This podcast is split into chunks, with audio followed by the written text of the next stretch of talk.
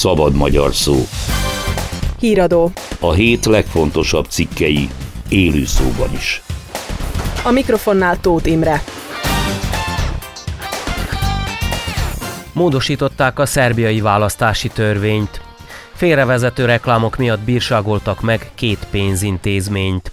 Mesterséges megtermékenyítéssel foglalkozó osztály nyílt a Szabadkai Közkórházban. Letették az Adai Wellness Központ alapkövét. Ezek voltak a főbb hírek egy-egy mondatban. Köszöntöm a hallgatót, jönnek a részletek. A szerb képviselőház szombati ülésén elfogadta a parlamenti képviselők megválasztására, illetve az önkormányzati választásokra vonatkozó törvény módosítását, amivel a választási küszöb az eddigi 5-ről 3% ra csökken. A törvénymódosítás értelmében a nemzeti kisebbségek pártjaira ez a kitétel nem vonatkozik, emellett a megszerzett voksaik számát megnövelnék 35%-kal, és az így kapott számarány alapján történne esetükben a mandátumok kiosztása. Az erre vonatkozó módosító indítványt a Vajdasági Magyar Szövetség tette. A kisebbségi pártok vagy kisebbségi koalíciók választási listáját a Köztársasági Választási Bizottság hirdeti ki a módosítás értelmében.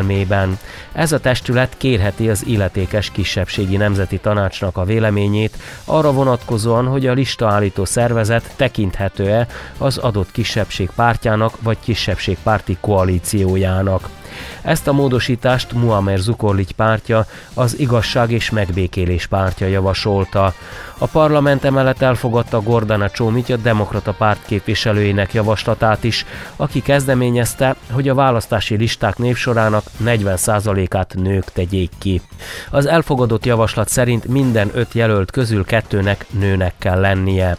A szövetség Szerbiáért és az Elég volt mozgalom tagpártjai továbbra sem vesznek részt a parlament ülésein, kivéve a demokraták képviselőjét Gordana Csómityot, aki a szombati ülésen jelen volt.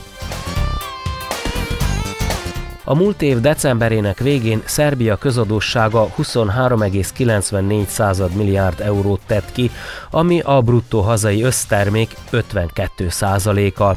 A pénzügyminisztérium közölte, hogy az államháztartás adóssága nominálisan 180 millió euróval volt kevesebb, mint egy hónappal korábban.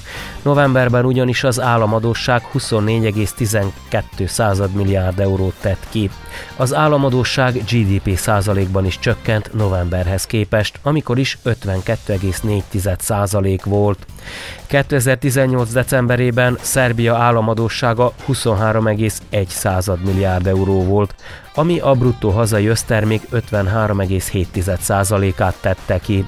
Az államháztartás adóssága a GDP-hez viszonyítva 2008-ban volt a legalacsonyabb, 28,3%, míg a legnagyobb államadósságot 2000-ben jegyezték, amikor az a bruttó hazai össztermék 201,2%-át jelentette. hafta. Két szerbiai bankot is megbírságolta a Szerb Nemzeti Bank, mivel azok olyan reklámokkal népszerűsítették a pénzügyi szolgáltatásaikat, melyek valótlanságokat tartalmaztak, illetve nem vették figyelembe a törvényes előírásokat. A politika napilap arról ír, hogy a bankok reklámaikban kulcsfontosságú információkat hagytak ki a felhasználási feltételekkel kapcsolatosan, ezzel pedig akadályozták ügyfeleiket abban, hogy rövid időn belül dönteni tudjanak arról, hogy érdekli-e őket a bank adott szolgáltatása. Ilyen esetben a Nemzeti Bank akár 1 millió dináros büntetést is kiróhat, és a szóban forgó reklám sugárzását is betilthatja. A banktörvény értelmében a pénzintézeteknek reklámaikban nem csak a termék előnyeiről kell beszámolniuk, hanem a felhasználók körét és az általános feltételeket is ismertetniük kell. A Nemzeti Bank közleménye nem említi a két megbírságolt pénzintézmény nevét. A koronavírus miatt késik a Kínából érkező csomagok kézbesítése.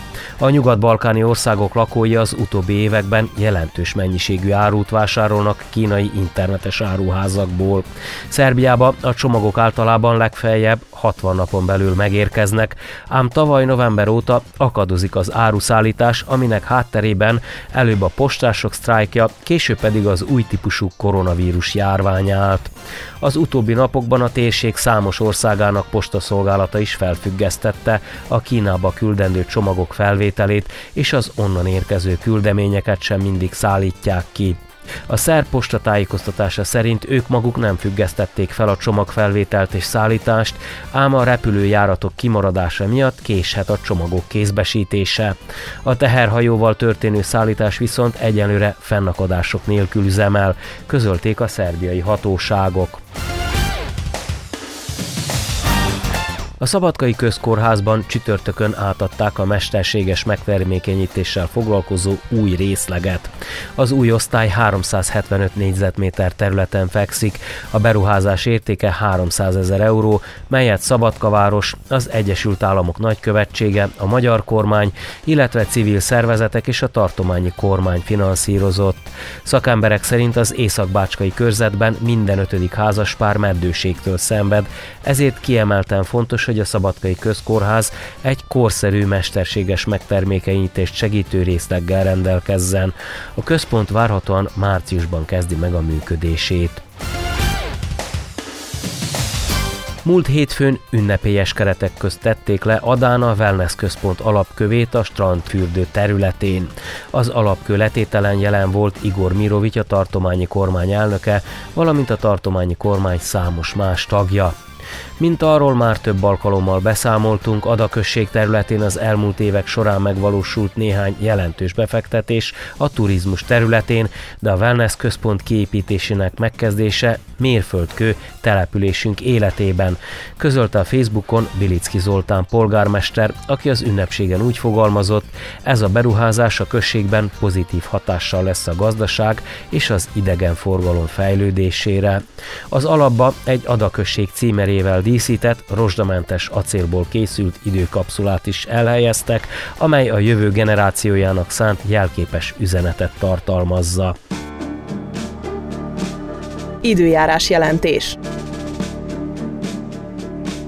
A viharos hétkezdet után kisé megnyugszik, de továbbra is változékony marad az idő a Kárpát-medencében. Csütörtökön reggel még fagypont alatt alakulhat a hőmérséklet, de ezt követően többnyire fagymentes időszak kezdődik. A szél mérséklődik, csütörtökön több napsütésre számíthatunk, naposabbra fordul az idő, majd pénteken újabb front érkezhet, kisebb csapadékkal, eső, havas eső formájában. A hétvégén fagypont körüli éjszakákra és 6 és 12 fok körüli napközbeni hőmérsékletekre számíthatunk, sok felhő mellett, de csapadék nélkül. A jövő hét elején megélénkülhet a délnyugati szél és még enyhébb levegő érkezhet, így hétfőn 10 és 15 fok között alakul a kora délutáni hőmérséklet, az éjszakák pedig a térségben mindenütt fagymentesek maradhatnak. Ez volt a Szabad Magyar Szó Rádió 2020. február 11-i híradója. Tóth Imre köszöni meg a figyelmet.